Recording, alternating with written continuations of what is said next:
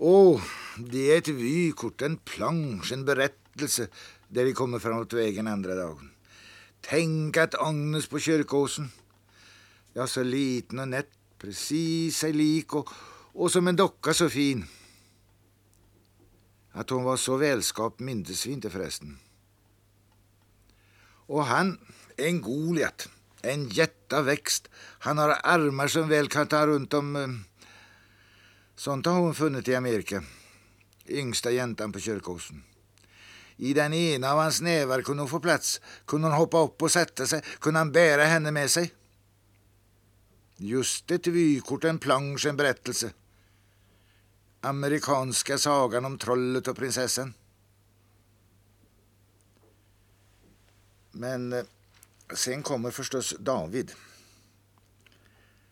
Han har mött dem och hälsat på dem och språkat med dem och, och följt dem en bit. Det är en liten snodig fyr denne David. Det är ungkar och rik och, och har en bror i Amerika. Lätt för att prata med folk och lätt för att beskriva. Nu tittar han ner brokröken där de försvann. Han talar om hur jätten ser ut i ansiktet. Säger att han har örnnäsa och duvblick. Örn med duvblick. Vad så duva anbelangar. Agnes på kyrkåsen. Fru Goliat alltså. Men sagoberättare är inte David. Mitt i majdagen och älvbruset slår han istället som ett hål genom vykortet genom planschen. Ja, men har hon fått så det räcker till? Tror varken på duva eller prinsessa. Plockar fjädrarna av duvan. Faktum, säger han, att, att det var kvinnfolken på kyrkåsen städs ut efter. Ingen saga, nej. Komna av ett horiskt släkte som vi vet. Ungkar, rik, lösmynt. Märkte hur hon går. Gamla Agnes på kyrkåsen, rätt och slätt.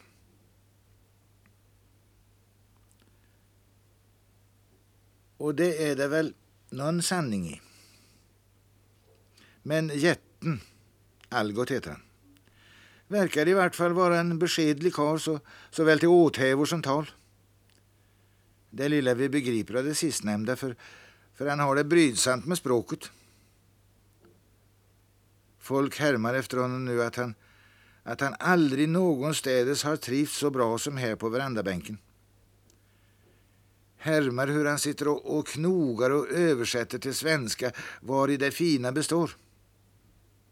Silence, säger han först. Oh, silence. Att här är så tyst, vill han säga. Evald i sockenstugan har köpt sig bil. Det, det blir tre bara på en liten fläck som denna. Värre kan det näppeligen gå för sig i Amerika. Ha, säger Goliat. Three. Three cars. Tre. Han öppnar mun på vid gavel och, och skrattar. Agnes är med och översätter och skrattar hon också men, men i hennes mun låter det nog lite grann som ringaktning. Det gör det inte i jättens. Ekers talar det om att kyrkåsen är six ekers. Algot säger han tycker det är bättre med sex än med 600.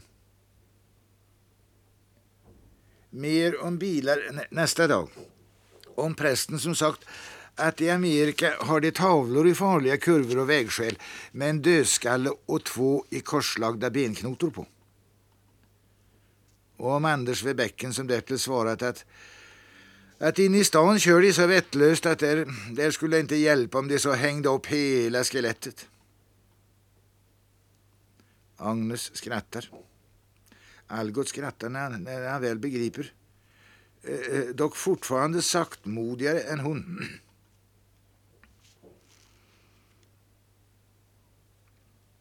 David är där alla dagar, på verandabänken. Han har tid och anledning och mynt, kan arbeta om han vill och, och låta bli om han vill. Algot känner Davids bror. Har känt honom, gör han smått om sänder klart. Eh, bättre än nu, vill han säga. Och en liten stund är det tydligt att han undrar och letar i sitt huvud efter förklaringen till att de inte känner honom lika bra nu. De talar om annat, men plötsligt kommer Algot tillbaka till denne Davids bror i Amerika. Säger han önskar han kunde haft färska hälsningar med sig till David.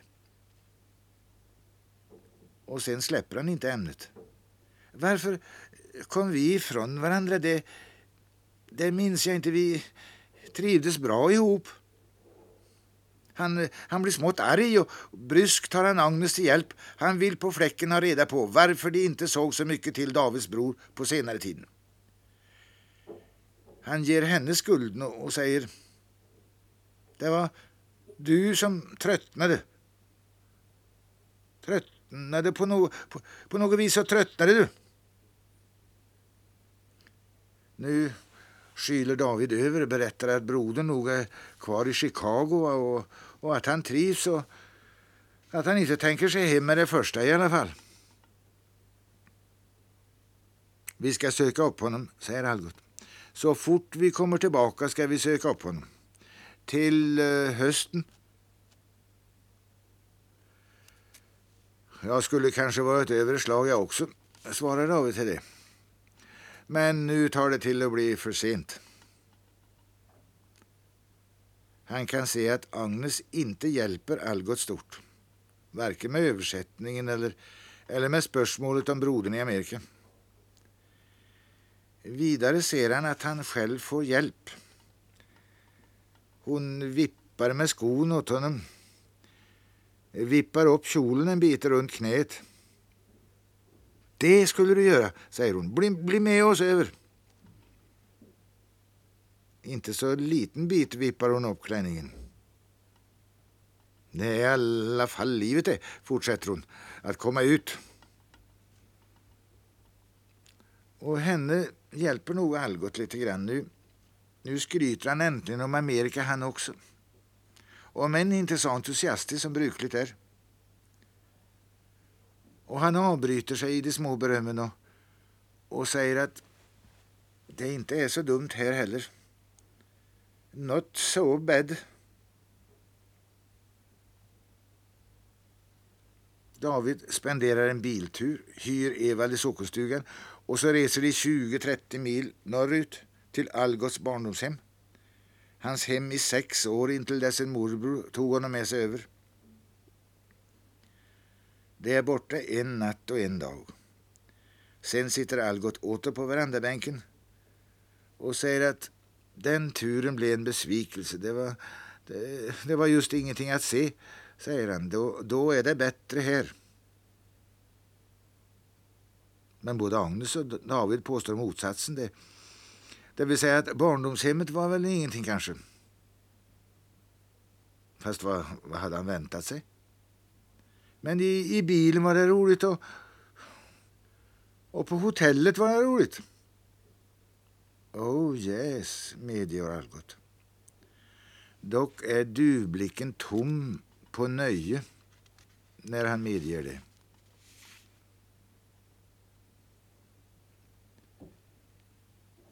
Är du verkligen så alldeles ledig, undrar Kari, Agnes mor. Har du rakt ingenting att göra?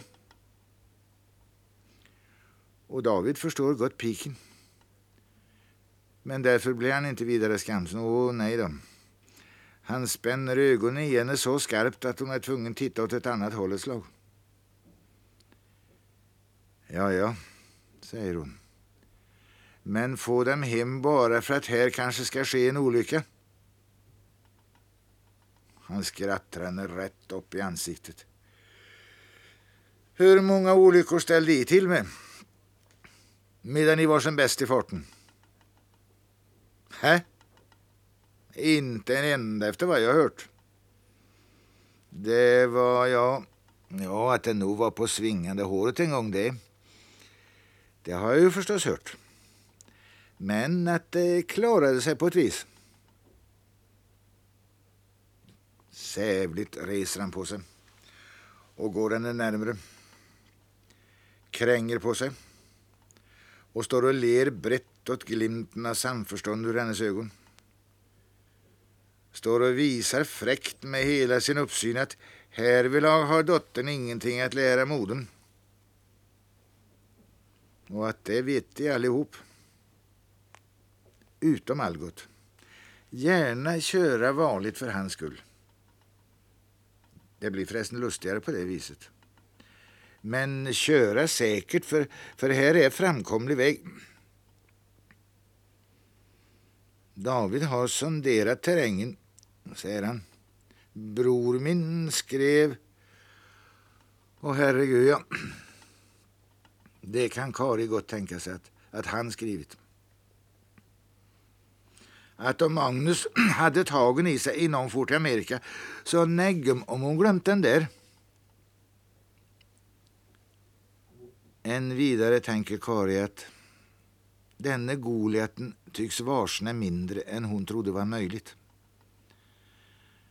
Att så gå omkring i stora världen i ett slags sömn. Men om han nu plötsligt skulle vakna? Om han vaknar här kan hon vara så säker på att han inte gör det. Kan någon av dem vara så säker på det? Detta var det hon skulle talat med David om. Att hon gått och tänkt efter bilturen att, att det är kanske vanligare att somliga blir blinda i Chicago. Det är det så mycket som förvillar. Vanligare än här.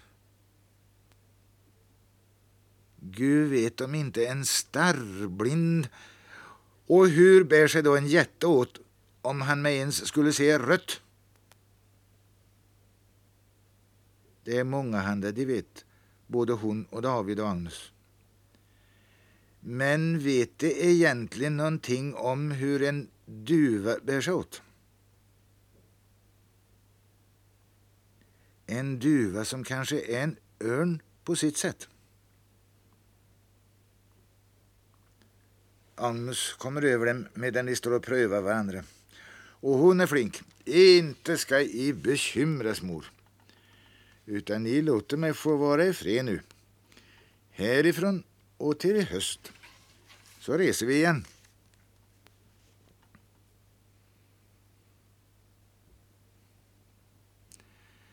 Ej för enformighetens skull. Algot tycker inte att det blir enformigt att sitta rätt upp och ner på en verandanbänk eller, eller inne på kökssoffan när det blir kallt igen till midsommarveckan. Och David eh, tålar sig han också. Men eljest är det ju unga människor och, och en ny utflykt kan ni alltid göra. David talar visserligen förringande om det de har att bjuda långfrämmande på här. Upp i skogen, säger han. Någonting annat vet jag inte. Till timmerkojan. Det blir åtminstone lite grann bort från civilisationen nere vid sockenstugan. Vi är nog där på vintern också, berättar han, en och, en och annan lördagsnatt. Med grammofon och brännvin och, och talar om kvinnfolk. Talar fysik. För det mesta får de, får de ingen med sig. Det, det är så påpassat och återhållsamt allting. Det är spår i snön om, inte annat. Resandes amerikaner gör väl däremot lite som de vill. Däröver är allting så väldigt big. Men så tar vi istället till någonting fasligt smått. Vi går en kostig fram igenom, vi kommer till en bäck och till en kärn och, och till en stätta och till en gammal kolbotten. Och omsider till en skorstenspipa och omkring den lite rester av ett gammalt torp. Och där går vi en stund och plockar och välter på det som finns kvar.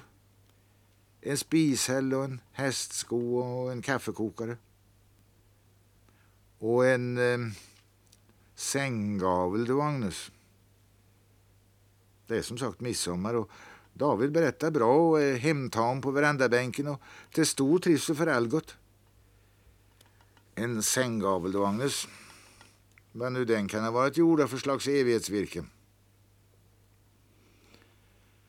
Och vi blänger på en gammal, gammal vildapel där blommen knutit ihop sig till kort, tätt, tätt över varenda gren.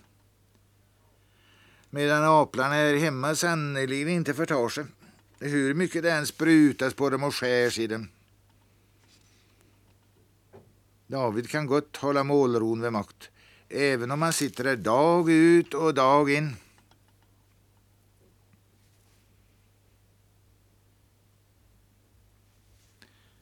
Midsommardagen. Algot sitter inte på verandabänken. Han ligger till sängs slagen och sjuk av mycket brännvin. David är där heller inte. Han är kvar på sin egen verandabänk. Tillsammans med minnet av natten. Att så var vi framme och var sediga. Något så när i alla fall. Ungefär en timme eller så. Men eh, sen verkade ju dropparna vi hade med och och Algot blev ju märkligt fort full. Och blev vågsam. Så pass vågsam att när han tog bort i ett lår eller, eller försökte krångla näven in i en blus så, så kallnade jäntorna och, och fick så fasligt lätt för att se pålitligt och troget in i just det par ögon som vakade på dem.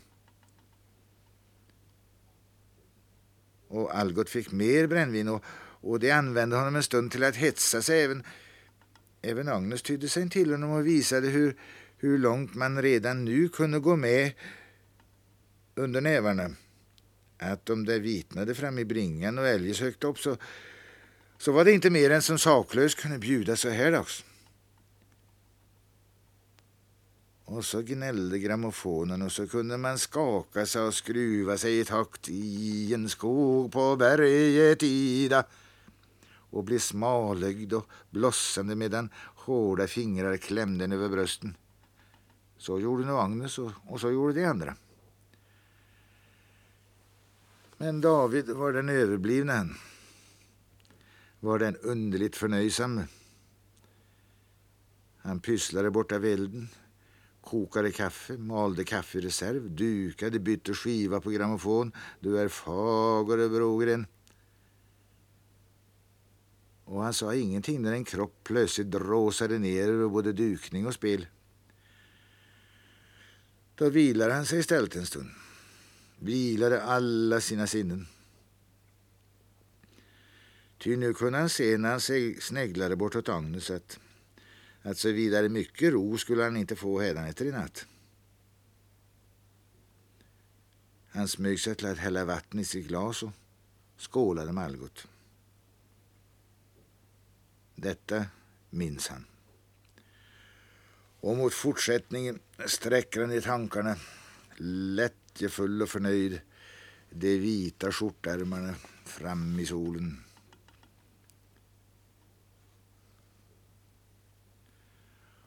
Och det här går ju bra det, säger folk. Över hö, över råg går det bra. Men eh, sen går det inte alldeles bra längre. David har blivit märkvärt hektisk och flackig i ögonen. En hel vecka är han borta från verandabänken, från trappstegen där nedanför. Och så plötsligt är han tillbaka och hyr Evald och bilen igen, men är minst lika orolig om inte värre när de vänder åter. Han gör ensamma turer med Evald.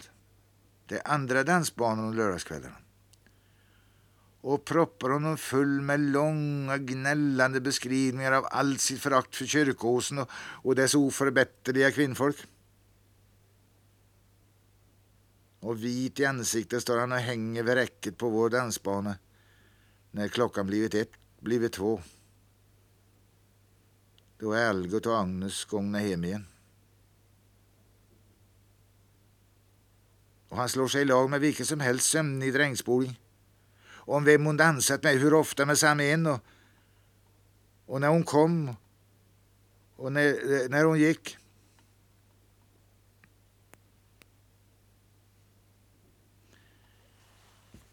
Inte förrän löven gulnar är det på nytt som det en gång var.